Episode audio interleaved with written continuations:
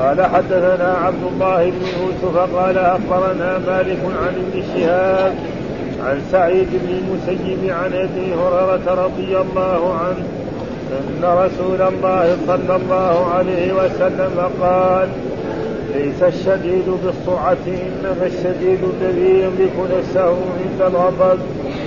قال حدثنا عثمان بن أبي شيبة قال حدثنا جرير عن الأعمش عن علي بن ثابت قال حدثنا سليمان بن صرة قال استقى رجلان عند النبي صلى الله عليه وسلم ونحن عنده جلوس وأحدهما يسب صاحبه مغضبا قد احمر وجهه فقال النبي صلى الله عليه وسلم إني لا أعلم كلمة لو قالها لذهب عنه ما يجد. لو قال أعوذ بالله من الشيطان الرجيم. فقالوا للرجل ألا تسمع ما يقول النبي صلى الله عليه وسلم؟ قال إني لست بمجنون قال حدثنا يحيى بن يوسف قال أخبرنا أبو بكر هو بن عياش عن أبي حصين عن أبي صالح عن أبي هريرة رضي الله عنه أن رجلا قال للنبي صلى الله عليه وسلم أوصني. قال لا تغضب. فردد مرارا قال لا تغضب. باب الحياء. قال حدثنا آدم قال حدثنا شعبة عن قتادة عن أبي السوار العدوي. قال سمعت عمران بن حصين قال قال النبي صلى الله عليه وسلم الحياء لا يأتي إلا بخير. فقال بشر بن كعب مكتوب في الحكمة إن من الحياء وقارا وإن من الحياء سكينة. فقال له عمران أحدثك أحدثك عن رسول الله صلى الله عليه وسلم وتحدثني عن صحيفتك قال حدثنا أحمد بن يونس قال حدثنا عبد العزيز بن أبي سلمة قال حدثنا ابن شهاب عن سالم عن عبد الله بن عمر رضي الله عنهما قال مر النبي صلى الله عليه وسلم على رجل وهو يعاتب أخاه بالحياء وهو يعاتب أخاه بالحياء يقول إنك لتستحيي حتى كأنه يقول قد أضر بك فقال رسول الله صلى الله عليه وسلم دعه فإن الحياء فإن الحياء من الإيمان. قال حدثنا علي بن الجعد قال أخبرنا شعبة عن قتادة عن مولى قال أبو عبد الله اسمه عبد اسمه عبد الله بن أبي عتبة. سمعت أبا سعيد يقول كان النبي صلى الله عليه وسلم أشد حياء من العذراء في قدرها. باب إذا لم تستحي فاصنع ما شئت. قال حدثنا أحمد بن يونس قال حدثنا سهيل قال حدثنا منصور عن ربعي عن بن حراش قال حدثنا أبو مسعود قال قال النبي صلى الله عليه وسلم إن مما أدرك الناس من كلام النبوة الأولى إذا لم تستحيي فاصنع ما شئت. باب ما لا يستحيا من ما لا يستحيا من الحق بالنفقة بالتفقه في الدين.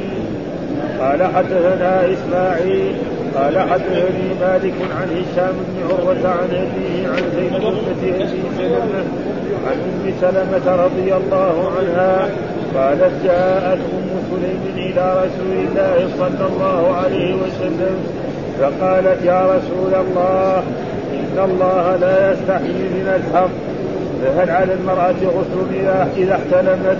فقال نعم إذا رأت الماء. قال حدثنا آدم قال حدثنا شعبة قال حدثنا محارب بن قال سمعت ابن عمر يقول قال النبي صلى الله عليه وسلم مثل المؤمن كمثل شجرة خضراء. لا يسقط ورقها ولا يتحاش. فقال القوم هي شجرة كذا هي شجرة كذا. فأردت أن أقول هي النخلة وأنا غلام شاب. فاستحييت فقال هي النخلة. وعن شعبة قال حدثنا خبيب بن عبد الرحمن عن حفص بن عاصم عن ابن عمر مثله وزاد فحدثت به عمر فقال لو كنت قلتها لكان أحب إلي من كذا وكذا.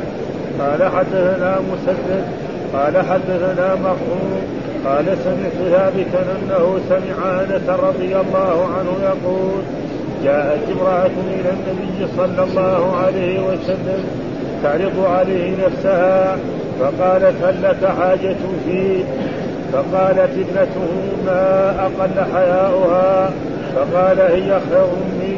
عرضت على رسول الله صلى الله عليه وسلم نفسها. أعوذ بالله من الشيطان الرجيم. بسم الله الرحمن الرحيم. الحمد لله رب العالمين والصلاة والسلام على سيدنا ونبينا محمد وعلى آله وصحبه وسلم أجمعين. باب الحذر من الغضب. بقول الله تعالى والذين يجتنبون كبائر الإثم والفواحش وإذا ما غضبوا يغفرون قول الله عز وجل الذين ينفقون في السراء والضراء والكاظمين الغيظ والعافين عن الناس والله يحب المحسنين. يقول باب الحذر من الغضب معناه إيه؟ يعني الإنسان عليه أن يحذر بإيه؟ من الغضب، الغضب إيش معناه؟ يعني يجتنب أسباب الغضب، إذا الغضب جبلة طبيعة في الإنسان، شخص ما يغضب هذا ما يوجد، ها؟ فإذا إيه؟ عليه يعني الرسول بيحذر إيه؟ من أسباب الغضب، ها؟ وإلا الغضب جبلة، واحد يتعدى عليك ما يغضب، ها؟ يعني لا تنفذ غضبك، هذا معناه معناه اجتناب أسباب الغضب ولا يتعرض لما يجلبه يعني يتناقش مع الناس ها يسبوه يشتموه فيغضب ها أو لا يؤدي الحقوق للناس حقوق تجب عليه يؤديها فلا يؤديها فيتعدى الناس عليه فيقول فاذا هو هذا وليس معناه الشيء الطبيعي الذي جبر عليه الإنسان أنه يغضب فهذا المراد بإيه؟ بهذا فيقول معناه اجتناب أسباب الغضب ولا تتعرض لما يجلبه. وأما نفس الغضب فإنه أمر طبيعي لا يزول من الجبله ها فهذا ما يعني انت اجتنب أسباب الذي تغضبه. هذا الممنوع وأما كون الإنسان لا يغضب مرة واحد هذا تقريبا ما يمكن. هذا فيقول باب الحذر من الغضب. اذا اجتنب أسباب الذي تغضبه. ليه؟ لقول الله تعالى والذين يجتنبون كبائر الإثم والفعل يصف المؤمنين. الذين يجتنبون كبائر الإثم. ها المؤمن. المؤمنون يجتنبون كبائر الكبيرة إيه؟ كل ذنب ختمه الله بوعيد في الدنيا أو في الآخرة أو أن الرسول لعنه أو تبرأ منه. هذا الكبيرة في عرف الشرع. كل ذنب يختمه الله بوعيد في الدنيا أو في الآخرة أو أن الرسول لعنه أو تبرأ منه هذا نعرف. آه مثال الزنا والسرقة. آه آه السارق والسارق قاعد الزاني والزاني وهكذا مثل هذه الأشياء. آه لعن الله من لعن والديه لعن الله من غير مناله والفواحش يدخل فيها كل المعاصي. ها يدخل قسم الزنا والقرآن ها وإذا ما غضبوهم يكفرون هذا محل الشاهد. يعني الآية سيقت لإيه؟ وإذا ما غضبوهم يعني إذا شخص أغضبه نعم يحلم عليه. ما يعاقبه. هذا معناه محل الشاهد. وإذا ما غضبوهم هؤلاء المؤمنون إذا أغضبهم إنسان يحلم عليه ويسامح. هذا هذا محل الشاهد الذي يطابق الدرجة. وأما لا يغضب مرة واحد هذا نايم. ها؟ هذا الآية الثانية وقول الله عز وجل الاستدلال بقول الله تعالى الذين ينفقون في السراء والضراء والكاظمين الغيظ. ملح الله كذلك الذين ينفقون في السراء ها؟ والضراء والكاظمين الغيظ. وهذا محل الشاهد يعني إذا أغضبه إنسان يحلم عليه ويكذب غيظه ولا ينفذ ما أراد به يعني. فهذا محل الشاهد الذي إيه؟ والعافين عن الناس كمان ها؟ والعافين عن الناس كذلك ها؟ قال والله يحب المحسنين.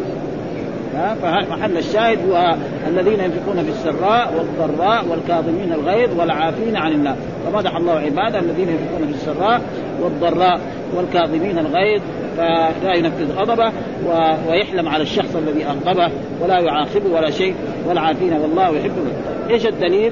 قال الاحاديث المرفوعه حدثنا عبد الله بن يوسف قال أخبرنا مالك عن ابن شهاب عن سعيد بن المسيب عن أبي هريرة رضي الله إن رسول الله صلى الله عليه وسلم قال ليس الشديد بالسرعة بضم الصاد. بالسرعة. إيش السرعة؟ قال هو الذي يسرع الناس. يعني إذا تضارب مع إنسان يطيح في الأرض ويركب عليه ويؤذيه ويحط التراب في فمه. لا هذا هذا هذا القوي ده ما هذا ما هو شيء. ها الرسول ما مدحه. هذا آه. ليس الشديد بالسرعة يعني ليس الشديد القوي الذي يسرع الناس يسرع ده يتضارب مع ده أو يساوي زي ما الآن يساوي يعني من الأشياء اللي سووها في التلفزيون في بعض الإذاعات مثل هذا يتصارع فلان وفلان أو جماعة مع فلان فيصرعوا ويأخذ المكافأة ها الذي عينت له فهذا قال ليس إنما الش... إنما يعني الشديد الذي يملك نفسه عند الغضب. هذا الذي مدحه رسول الله صلى الله عليه وسلم إنما الشديد الذي يملك نفسه. يعني إذا أغضبه إنسان يعفو عنه ويصفح عنه ويحلم عليه ولا ينفذ غضبه. هذا هذا الشديد الممدوح عند الله وعند رسوله صلى الله عليه وسلم. وأما الذي يصرع الناس فهذا ليس ها فان بعض الحيوانات تصرع. ما في شيء ها بعض الحيوانات تصرع.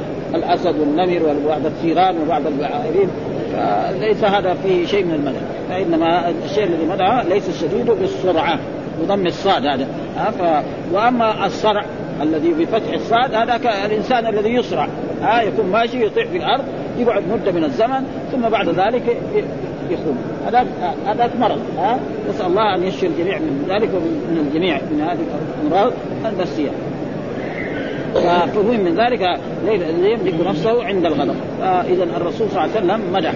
واما ومعنى زي ما قلنا فمعناه اجتناب اسباب الغضب والا يتعرض لما يجلبه واما نفس الغضب فانه أمر طبيعي لا يزول من الجبله فإذا لا تنفذ إيه؟ أسباب غضبك. فإذا غضبت على إنسان بأن تعدى عليك أو سبك أو شتمك أو فعل كذا فإنت لا تنفذ غضبك أن تقابله بمثل ذلك. بل تحلم عليه وتصفح عنه وتترك ذلك. وجاء في أحاديث مرت علينا في دراستنا أن الإنسان إذا غضب نعم يتوضأ. ها؟ إذا كان واقف ويجلس كان جالس يضطجع. ولأجل ذلك من الأشياء الطبيعية أن الإنسان إذا تعدى عليه انسان وان له أن يعني يعني لا يهجره ثلاثة أيام. جاء في الحديث يعني لا يجوز للمسلم أن يهجر أخاه فوق ثلاث، ليه؟ لأن المسلم لا يهجر. مثلا الإنسان تعدى عليه بالسب أو بالشتيمة أو بأخذ ماله فغضب عليه وحصل فيه، فاليوم الأول يكون هو غضبان عليه في المية مية، اليوم بعد ذلك يذهب إلى بيته يأكل وينام ويصلي ويذكر الله يخف يصير 70% اليوم الثاني يصير 50 اليوم الثالث يزول يقابل يسلم عليه. هذا الذي يأمر. لكن في ناس تجد من المسلمين بالشهور وبالسنوات على على شيء تافه كمان. مش يعني شيء يعني له مكانته. أه؟ على شيء تافه يغضب على انسان وأقاربه. ولا تجد قد يكون بين الرجل وبين أبيه وبين الرجل وبين أخيه وبين عمه. يعني على أشياء لا قيمة لها. إما مسائل دنيوية أو ميراث أو غير ذلك. هذا تقريبا نهى عن الرسول صلى الله عليه وسلم وهذا. الحديث الثاني قال حدثنا عثمان بن أبي شيبة حدثنا جرير عن الأعمش عن عدي بن ثابت حدثنا سليمان بن سرد قال استب رجلان يعني سب أحدهما رجلا عند النبي صلى الله عليه وسلم ونحن عنده جلوس وأحدهما يسب صاحبه مغضبا. قد احمر وجهه فقال النبي صلى الله عليه وسلم إني لأعلم كلمة لو قالها لذهب عنه ما يجد. لو قال أعوذ بالله من الشيطان الرجيم فقالوا آه للرجل ألا تسمع ما يقول إن قال إني لست بمجنون؟ وهذا الرجل يعني أساء جدا إساءة. لا تنبغي للمسلم أن يفعل مثل ذلك وقد يكون لجهله أو يكون منافق أو غير ذلك. قال حدثنا سليمان أن رجلان ها؟ وهذا الرجل يقول هو جارية ابن قدامة. يعني اسم الرجل هذا الذي حصل منه هذا هو جارية ابن قدامة اسمه قد علم المحول عند النبي ونحن عنده جلوس ونحن عند رسول الله صلى الله عليه وسلم جلوس وأحدهما يسب صاحبه. ها يسبه في نفسه أو في ماله أو في عرضه أو في غير ذلك. ها مغضبا. قد احمر وجهه قد احمر هذا الذي الساب. فقال النبي إني لاعلم كلمه والمراد بالكلمة هنا جملة. ها وكلمة بها كلام قد يؤمن. فالكلمة هنا بمعنى إيش هي الكلمة؟ أعوذ بالله من الشيطان الرجيم. وهذه ما يعني فانه الكلمة قد تطلق مرات على الجمل الإسمية. ومن ذلك قول الله تعالى كلا إنها كلمة وقائمة من ورائب إي إي الكلمة ربي ارجعوني لعلي أعمل صالحا فيما تركت كلا. ما كلا فلذلك هنا المراد بالكلمة الجملة وهي أعوذ بالله من الشيطان الرجيم. وأعوذ معنى ألوذ يعني هذا الرجل لو قال أعوذ بالله ألوذ التجئ بالله من الشيطان الرجيم المبعد ها فقال فقيل للرجل ألا تسمع؟ يقول قال إني لست بمجنون. يعني أبى أن يأخذ إيه؟ بنصيحة رسول الله صلى الله عليه وسلم. وإلا لو قال هذا لكان يعني أفاده فائده قال أنا ماني مجنون. يعني أنا عاقل. فكيف يسبني وأنا أسكت عليه؟ ها؟ هذه إساءة طيب ما ما ما هو أدب وعلى كل حال قد يكون كتاب ما كان ينبغي للرجل أن يكون خصوصا مع رسول الله صلى الله عليه وسلم. فهو من ذلك ان أن الغضب يزيل الاستعاذه بالله من الشيطان الرجيم ويزيل ذكر الله ويزيل كذلك الوضوء ويزيل كذلك الجلوس أو الاضطجاع أو غير ذلك. الحديث الثالث قال حدثنا يحيى بن يوسف أخبرنا أبو بكر وهو ابن عياش عن أبي حسين عن أبي صالح عن أبي هريرة أن رجلا قال للنبي صلى الله عليه وسلم أوصني. قال لا تغضب فردد مرارا. قال لا تغضب. يقول أن رجلا كذلك جاء إلى النبي صلى الله عليه وسلم وقال أوصني. يا رسول الله أوصني وخلي فقال لا تغضب. يعني نهاه عن الغضب. اذا إيه معنى؟ لا تنفذ أسباب الغضب. وأما لا تغضب فهذا أمر جبلي وهذا فيما يظهر أن رسول الله صلى الله عليه وسلم طبيب للأرواح وللأجسام. فان الرسول محمد صلى الله عليه وسلم طبيب لأرواح الناس ولأجسامهم. فهو لما كان طبيب للأرواح كذلك طبيب للأجسام طبيب للارواح يمكن هذا الرجل يعني الرسول علم أن عنده شيء من الغضب كثير. ها فأوصاه بهذا. يجي واحد آخر ها يقول له آه يعني قل لي في الإسلام قولا لا اسال عنه يقول مثلا قل آمنت بالله ثم استقم. يجي واحد آخر يقول له يعني أسألك مرافقتك في الجنة. يقول للرسول صلى الله عليه وسلم أعني على نفسك بكثرة السجود. كل واحد يخاطبه بأسلوب يعني ينفعه تماما وهذا ليه؟ لأن الرسول أوتي جوامع الكلم. الرسول صلى الله عليه وسلم أوتي جوامع والا واحد يقول له أوصني يقول له كذا، واحد يقول له أوصني كذا، واحد يقول له أوصني زي الطبيب طبيب. الآن في المستشفى واحد يصير مسخن قليل يعطي له يعطي له حبه كينة ولا يسبير ويتعافى واحد ثاني مدة من مريض مسخن هذا ما يكفي غاله يعني حقن لازم. ها؟ حتى يتعافى ولا أدوية ثانية. فمثل هذا فيقول اوصني قال لا تغضب فالرسول قال له لا تغضب وبين له هذا لا فردد مرارا أي ردد السؤال يلتمس أنفع من ذلك وأبلغ أو اعم فلم يزده على ذلك قال لا تغضب وفي رواية قريب كل ذلك يقول لا تغضب وفي رواية عثمان بن أبي قال لا تغضب ثلاث مرات. لا تغضب نحن مرتين في الحديث وفي رواية وفي بيان عدد المراد. قد تقدم حديث أنس كان يعيد الكلمة ثلاثا لتفهم أن الرسول كان دائما يعيدها وأنه كان لا يرجع لا يراجع بعد سنة. وزاد أحمد بن حبان في رواية عن رجل لم يسمى قال تفكرت فيما قال فإذا الغضب يجمع الشر كله. يعني تكلم إن الرسول أوتي جوامع الكلم هذه جملة واحدة. لا تغضب. لا ناهي الجنس وتغضب فعل مضارع والفاعل مستتر. بس. جملة قصيرة ولكن إيه قال قال, قال الخطاب معنى قوله لا تغضب أي اجتنب أسباب الغضب ولا تتعرض لما يجب واما نفس الغضب فلا يتاتى النهي عنه لأنه أمر طبيعي لا يزول من الجبلة. وقال غير ما كان من قبيل الطبع من الحيوان لا يمكن ذمه فلا يدخل في النهي لأنه من تكليف المحال. وما كان من قبل ما يكتسب بالرياضة فهو المراد. وقيل معناه لا تغضب لأن أعظم ما ينشأ عنه الغضب الكذب هذه كونه يقع عند مخالفة أمر يريده فيحمله الكبر على الغضب. فالذي يتواضع حتى يذهب عنه عزة النفس يسلم من إيه؟ من شر الغضب. وقيل معناه لا تفعل ما يأمرك به الغضب. وقال ابن بطال في الحديث الأول إن مجاهدة النفس أشد من مجاهدة العدو لأنه صلى الله عليه وسلم جعل الذي يملك نفسه عند الغضب أعظم آه الذي يملك نفسه أعظم, أعظم الناس قوة. وقال غير لعل السائل كان غضوبا وكان النبي صلى الله عليه وسلم يأمر كل واحد بما هو أولى به. فلهذا اقتصر في وصيته له على ترك الغضب. آه لأن الرسول أوتي جامعه وهو طبيب للأرواح والأجسام وربما آل إلى أن يؤذي المغضوب عليه فينتقص ذلك من الدين. وقال لعله لما رأى أن جميع المفاسد التي تعرض للإنسان إنما هي من شهوته ومن غضبه وكان شهوة السائل مكسورة. لما سأل عما يحترز به عن القبائح نهاه عن الغضب الذي هو أعظم أمر أعظم ضررا من غيره. وأنه إذا ملك نفسه عند حصوله كان أقهر كان كأنه قد قهر أقوى أعدائه. انتهى ويحتمل أن يكون من باب التنبيه بالأعلى على الأدنى لأنه أعدى عدو الشخص شيطان ونفسه والغضب إنما ينشأ عنه عنهما فمن جاهدهما حتى يغلبهما مع مع ما في ذلك من شدة المعالجة كان بقهر نفسه على الشهوة أيضا أقوى. وقال ابن حبان بعد أن خرجه أراد الا تعمل بعد الغضب شيئا مما نهيت عنه. فذلك لأنه نهاه عن شيء لا أنه نهاه عن شيء جبر عليه ولا حيلة له. وقال بعض خلق الله الغضب من النار وجعله غريزة في الإنسان.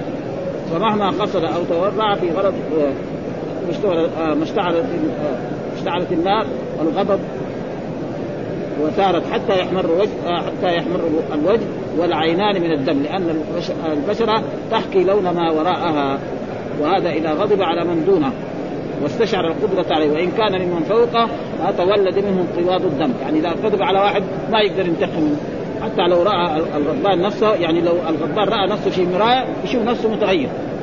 ها؟ حتى يظن مو هو. يعني لأنه مرة يتغير جدا. وهذا شيء مشاهد يعني. وأما الباطن فقلت أشد من الظاهر لأنه يولد الحقد في الحقد في القلب والحسد وإضمار السوء على اختلاف أنواعه. بل أولى شيء يقبح يقبح به باطنه وتغير ظاهره ثمرة تغير باطنه. هذا كله أثره في الجسد. وأما أثره في اللسان فانطلاقه بالشتم والفحش الذي استحيا منه العاقل ويندم. قال آه، آه.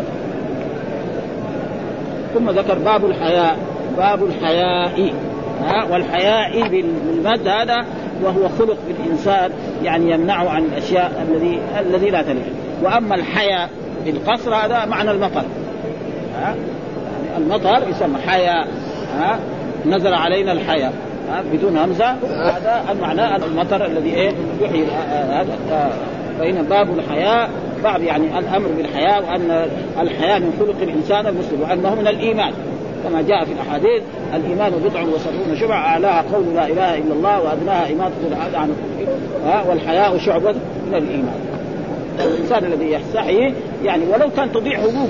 لأنه في بعض المرات الإنسان يستحي حتى حقوقه يكون عنده حاجة عند يعني ما يقدر يسال مع إنه هذا يعني في حق لكن تجد من هو يعني فالحياة كله خير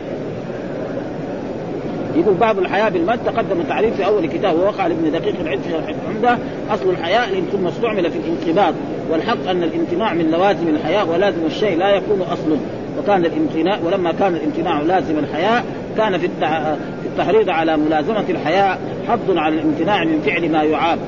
والحياة بالقصر المطر فإذا يعني آه، حظ على الامتناع على فعل ما يعني ال- الذي يستحي ما يقدر يفعل الشيء الذي يخاف أن يلومه الناس. ابدا ها؟ ابدا يعني أي إنسان عنده حياه الشيء الذي يعرف أن الناس يلوموه فيه ما يصير. فإذا هو إيه؟ خصله يعني طيبة ويلزم الإنسان أن إيه؟ يعني إيه فايش الدليل؟ قال حدثنا آدم حدثنا شعبة عن قتادة عن أبي النصر العدوي قال سمعت عمران بن حسين ها قال قال النبي صلى الله عليه وسلم الحياء لا يأتي إلا بخير. الحياء لا يأتي. فقال بشير بن كعب مكتوب في الحكمة إن من الحياء وقارا وإن من الحياء سكينة. فقال له عمران أحدثك عن رسول وتحدثني عن صحيفتك. ما لك؟ أنا أقول لك قال رسول الله تقول لي في الكتاب الفلاني في كتاب كذا. ينبغي للمسلم ابدا. إنما كان قول المؤمن اذا دعي إلى الله ورسوله ان يقولوا سمعنا وأطعنا. ما يعني أنكر عليه وإلا الكلام اللي قاله صحيح هو. يعني هذا يعني الكلام صحيح لكن الكلام ما ما يجي فلذلك إذا قيل قال رسول الله خلاص. ما لي أحد كلام. ولذلك يجب على طلبة العلم ويجب على المسلمين جميعا مسألة علمية حصل فيها خلاف. مثلا إمام من الأئمة يقول كذا وإمام من الأئمة يقول كذا وعالم من العلماء يقول كذا ويجي حديث رسول الله صلى الله عليه وسلم الصحيح يقول كذا.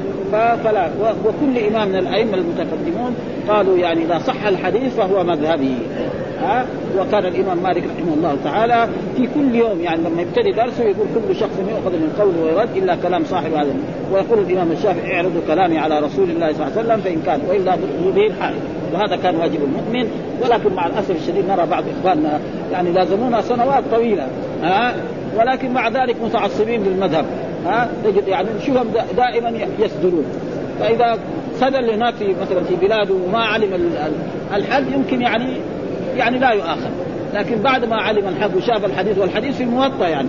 حديث في الموطا عن رسول الله صلى الله عليه وسلم ثلاث أحاديث في القبر موجودة في نص الموطأ.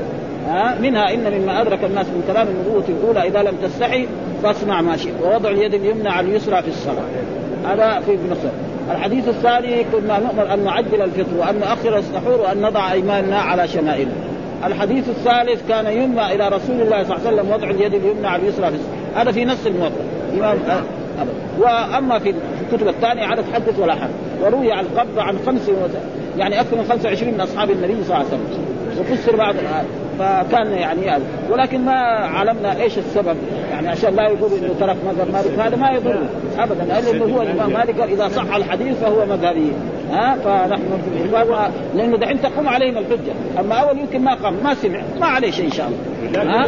يعني أول قبل أن تقوم عليه الحجة ويعرف الحديث وأن في كتاب إمامه فيمكن يعني ربنا ما يأخذ. لكن بعد ما أقيمت الحجة عليه فأنا أخشى عليه يعني يمكن نخشى على صلاته يعني. لا إله ها؟ نخشى على إيه؟ على صلاته تكون ما تكون صحيحة. ها؟ لأنه علم إيه؟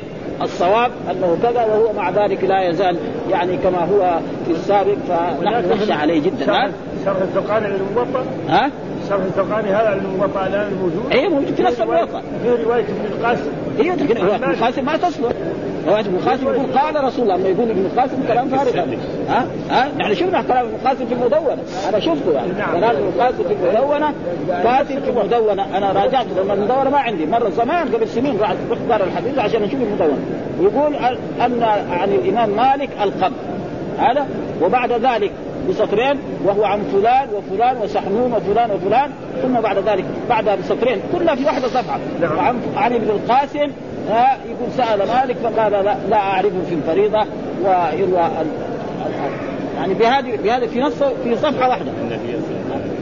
في صفحة واحدة هو هذا. فدائما يعني يجب على يعني نحن إذا خصوصا اذا أما لو ما قرأ ما عليه شيء ان شاء الله مثلا قرأ آه، أقرب المسالك أو قرأ هذا. لكن بعد ما يقرأ في الحديث وهو هذا فأنا أخشى على صلاتي أنه تكون صلاته باطلة. لأنه إيه؟ إنما كان قول المؤمن إذا دعوا إلى الله ورسوله يحكم بينهم أن يقول ولا يكون كمان كمان زي بعض الناس. يقول لو تأتي 100 من الأحاديث الصحيحة وقول الإمام يأخذ بقول الإمام ويرد كلام الله. هذا كمان أخطر وأخطر. ها فلذلك يعني نريد من إخواننا أن يعني العلم يطبق والشيء الذي نحن نقول إن شاء الله في هذا المجلس أو في جميع مجالسنا إن شاء الله ما أقوله بلساني هو الذي أعتقده في قلبي. ها؟ ما أقول شيء يعني خلاف ما في قلبي. ها؟ وليفهم إخواننا ذلك. لا نقول مجاملة للدولة ولا مجاملة للمشايخ ولا مجاملة للعلماء. ابدا. ها؟ ما أقول ولذلك إن شاء الله بعض الأشياء يعني إذا كان مصاب نفندها ونذكر الأدلة ولا نقبل كلام أي أحد. هذا يعني الشيء الذي ندين الله به ولذلك يقول في هذه الأحاديث. يعني قال الحياء لا يأتي بخير. فقال بشير بن مكتوب في الحكمة. يعني مكتوب في الحكمة حكمة واحد من الناس. ها إن من الحياء وقارا وقارا معناه سكينة. وطمأنينة ما في شيء طيب. ها وإن من الحياء سكينة. ها طمأنينة. ها فظل قال له عمران أحدثك عن رسول الله تحدثنا عن صحيحته.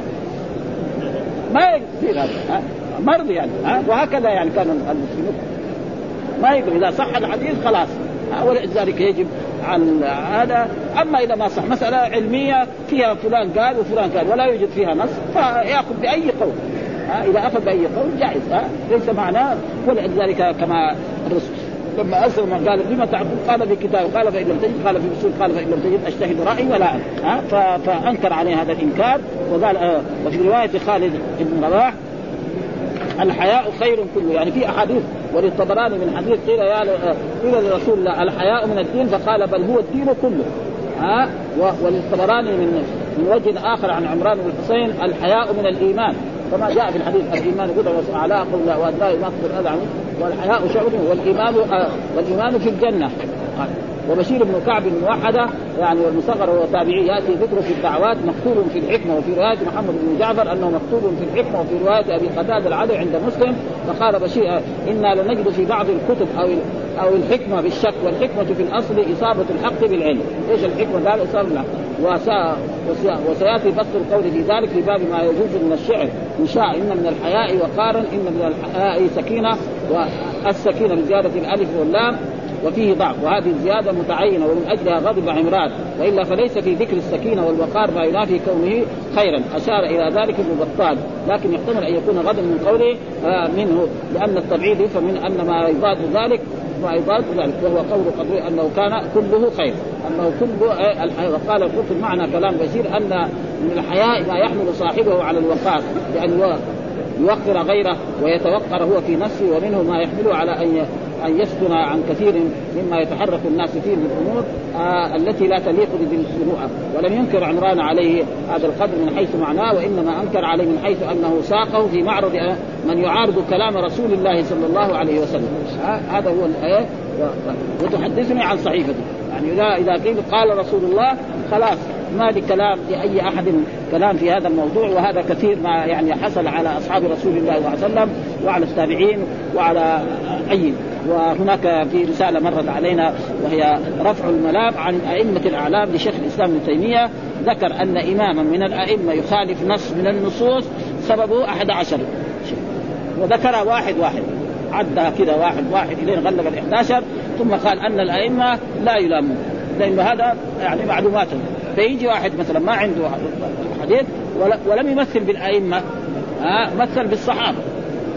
يعني مثل مثلا بابي بكر الصديق. ابو بكر الصديق أفضل من مالك وأفضل من الشافعي وأفضل من أحمد بن محمد ما في شيء كل المسلمين يعرفون أبدا. ها؟ مثل بهذول. هذول كانت مسائل علمية ما يعرفوا وبعض الصحابة الصغار يعرفون. يجي أبو موسى الأشعري يوقف على باب عمر رضي الله تعالى عنه ويطرق الباب. فيقول آه عبد الله بن قيس عمر سامع ولا يجاوب؟ بعد ذلك قال إن آه السلام عليكم الأشعري يدخل برضه سمع بعد ذلك آه، كرر ثانية قال مثلا عبد الله بن قيس. آه، فانصرف. لما انصرف ما دعوة قال بيجيبوا ليش انصرف؟ قال أنا سمعت رسول الله صلى الله عليه وسلم يقول الاستئذان ثلاث. فإن أذن لك فادخل والا فانصرف. قال له طيب لازم تجيب من من يشهد أن رسول الله قال. دخل المسجد وقال للصحابة كذا يقول عمر بن الخطاب فقالوا لا خذ يعني أصغر سعيد بن إيه؟ أحد الصحابة الصغار. سعيد بن خير ولا؟ ها؟ ها؟ أبو سعيد أبو سعيد الخدري يعني هذا من صغار الصحابة.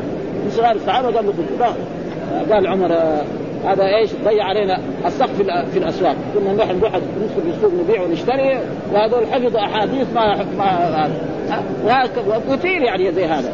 فلذلك ف... ولذلك أنكر عليه عمران بن حصين أنه بعد ما يقول قال رسول الله.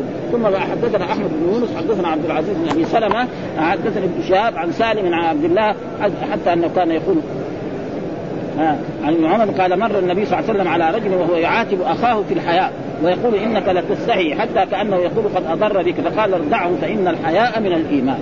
فهذا الحديث برضه عن عبد الله بن عمر قال مر النبي على رجل وهو يعاتب أخاه. آه قد يكون أخاه شقيق أو أخاه مسلم آه في الحياة. يعني عندك عندك حقوقه بتضيعها بسبب حياتك. مثلا مثال لذلك رجل مثلا له دين على فلان وعلى محمد في وقت كذا وكذا. جاء الأجل روح يا أخي طالب يقول أنا ما أروح يبغى هو يجيب نفسه. هذا هذا في ضرر. حقه يروح يقول له أعطيني حقه ها مثلا رجل مثلا يتعدى عليه ويأخذ ماله. ها يقول له روح اشتكي. تجده يعني يرى نفسه ما يروح المحاكم ولا يبغى إيش السبب؟ ها ما ما فهذا يعني حياه فيه إيه؟ ضرر عليه. حق من حقوقك تضيعه. فلذلك كان ينصحه فقال له لا هذا هذا كله خير. هذا ضعف فان الحياء من الإيمان. وحتى ابن الدين هنا معناه أن المستحي ينقطع بحياته عن المعاصي. لأنه إذا الرجل الذي ما يقدر هل يمكن يعصي الله؟ لا ابدا ها؟ لأنه لكن يستحي من الناس. فهو يعني ابدا إنما جعل الحياة وان كان غزير لأن استعماله على قانون الشرع يحتاج إلى قصد واقتصاب وعلم. واما كونه خيرا كله لا يأتي إلا بخير فأشكل حمله على العموم. لأنه قد آه، قد يصد صاحبه عن مواجهة من يرتكب المنكرات ويحمله على آه، آه، ويحمله على الإخلال ببعض الحقوق، يعني إذا كان منكر لا. هذا واحد يفعل منكر أمامه فهو عليه أن ينصحه. والجواب أن المراد بالحياء في هذه الأحاديث ما يكون شرعيا والحياء الذي ينشأ عنه الإخلال بالحقوق ليس حياء شرعيا بل هو عجز ومهانة. ها؟ فإذا ما يقدر يأمر بالمعروف ولا ينهى عن المنكر أو يترك أولاده لا يأمرهم ولا ينهاهم فإن هذا هذا ليس إنما يطلق عليه حياء بمشابهته للحياء الشرعي وهو خلق يبعث على ترك القبيح، إيش الحياء تعريفه؟ قال هو خلق يبعث على ترك القبيح، قلت ويحتمل أن يكون أشير إلى أن من كان الحياء من خلقه أن الخير يكون في فيه أغلب. ويضمحل ما لعله يقع منه في جانب فلذلك يعني الرسول الحديث الأخير حدثنا علي بن الجعد أخبرنا شعبة عن قتادة عن مولى أنيس. قال أبو عبد الله اسمه عبد الله بن أبي عقبة. سمعت أبا سعيد وهو الخدري قال قال النبي أشد حياء من العذراء في خدرها يقول كان النبي هذا خلق للنبي صلى الله عليه وسلم أشد من العذراء، العذراء معناه الفتاة الجارية الذي أو الشابة الذي لم تتزوج، فإن هذه تستحي بخلاف المرأة الكبيرة التي تزوجت وكبر سنها يعني ابدا تستطيع تتكلم مع الرجال وتستطيع كل شيء تاخذ حدودها. فكان رسول الله هذا خلق إيه؟ طيب أشد من العذراء في خدرها، معلومه العذراء في خدرها لسه ما تزوجت ولذلك الرسول أمر بإيه؟ يتزوج آه، العذراء والفكر. لانها مثلا لما تتزوج ويكون الرجل هذا طيب تظن كل الرجال طيبين زيه. يكون ما هو طيب تظن أن الرجال لأن هي ما جربت. أما المرأة التي تزوجت مرة والمرة الثانية والمرة الثالثة هذه هذه تعرف الرجال أنواع الرجال. ها شافت رجل طيب وشافت رجل متوسط الأخلاق فبدأ الرسول حث على إيه؟ تزوج الابكار ها لما تزوج قال لها هلا بكر تلاعبها ولا ها لجابر ليه؟ قال له فجابر جاوب. قال ليش ما تزوج بكر؟ قال له أنا توفي والدي وترك لي ست بنات أو سبع بنات. اخوات الصغار كلهم. كمان نجيب واحدة بنت كمان يعني سابعة ولا ثامنة ولا تاسعة. يصير؟ إيه؟ تسع بنات في البيت أو سبع بنات يتضاربوا كل يوم في النهار. ها هذه السبهات وذلك يشتم ذلك أما نجيب له واحدة مرأة كبيرة نعم سيد مثلا واحدة ما تسرح لها شعرها وتلبسها ثوبها. هذا هذا في مرات يعني يكون هذا أحسن وفي مرات لا يكون. ذكرى فلذلك يقول أشد من الحياة في وهذا شيء مشاهد يعني هذا. وقال كان قد سمع له النوعان فكان الغريزي أشد حياء من العذراء. هذا عذري. وكان بالحياء المكتسب في الذروة العليا. يعني هذا يعني أشد من الحياء في عذراء. هذا هذا هذا خلق وكان الحياء المكتسب في الذروة العليا انتهى وبهذا تعرف مناسبه ذكر الحديث الثالث هنا. وقد تقدم الشرح في باب صفة النبي صلى الله عليه وسلم وقوله عن مولى أنس قال أبو عبد الله واسمه عبد الله بن عتبه كذا. وكذا. ثم باب إذا لم تستحي فاصنع ما شئت. هنا قال باب إذا لم تستحي. يعني القاعدة في اللغة العربية أن فعل المعتل لازم حذف حرف العلم. وما ندري يعني على كل حال. يعني هو من الإمام البخاري انها لم تستحي. وكان لازم إيه؟ الجملة إذا لم تستحي. ها لأن فعل المضارع المعتل يجزم بإيه؟ بحذف اخره ولكن هنا مكتوب الآن إذا لم تستحي. نحن ما نقدر نصلح البخاري. ها يعني انما نشير إشارة ها إلى لأنه هذا مرت على علماء ومرت على الدنيا كلها وما ساووا شيء. ها فنحن على كل حال. ثم موجود في اللغة العربية. يعني موجود في اللغة العربية. أن يكون أداة الجزم ولا يعني ولا يحذف حرف العلة في الجزم ها من ذلك اذكر بيت ألم يأتيك والأنباء تم ألم يأتيك؟ كان الشعر هذا يقول إيه؟ ألم ياتك ومع ذلك قال ألم يأتيك. ها فهذا كذلك دحين بهذا النوع. وإلا كانت قاعدة إذا لم تستحي. لام حرف النزل والجزم تستحي فعل المضارع مجزوم على الجزم إيش؟ حذف الياء وبقي. وكذلك في بيت شعر كذلك أظن هجوت زبانا ثم جئت من هجر زبان لم تهجوا ولم تدعوا لم تهجوا كان الشاعر هذا يقول إيه؟ لم تهجوا ها؟ فإذا كان على هذا يعني قد يكون الفعل المضارع المجزوم يعني آه، المعتل يعني لا تكون الياء ما تحدث ويكون هو مجزوم فيكون. لكن في نفس الحديث المرفوع يعني جابوا إيه؟ وهو تمام على اللغة العربية. إذا لم تستحي فاصنع ما شئت. وبعدين هنا قال إذا برضو إذا لم تستحي. لكن في الشرح قال إذا لم باب إذا لم تستحي. يعني الحافظ في شرحه قال إذا لم تستحي. في الشرح هنا في يعني في نفس المتن في نفس الترجمة وفي نفس الحديث. بالياء. طيب كيف تخريجه؟ تخريجه هذا. إما انه هذا يعني كان من أول البخاري حطه بهذه الطريقة أو النساخ حطه بذلك أو أن على اللغة الضعيفة أنه يجوز الفعل المعتل أن يجزم نعم يكون مجزوم ولا يحذف حرف العلم. ومن ذلك هذا الشاعر ألم يأتيك؟ وإلا كان الشاعر هذا لو قال ألم ياتك والأنباء تنبأ انكسر البيت. ابدا. البيت يصير تعبان. ما هو شاعر. بعدين الشعراء يقولوا هذا خربان. ما هو شاعر بالعافية.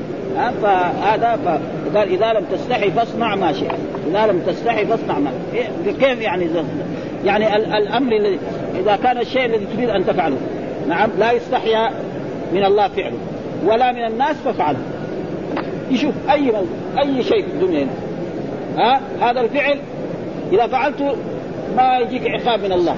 ولا يجيك عقاب من الرسول صلى ولا يجيك عقاب من الدول. ها؟ يجي مثلا يبغى يصلي. يبغى يتصدق. تاجر بعد بعد زي ما قال في أحاديث أخرى مرت علينا ها؟ يعني البر حسن الخلق والإثم ما حاك في النفس وتردد في الصدر وإن أفتاك الناس وأفتوك.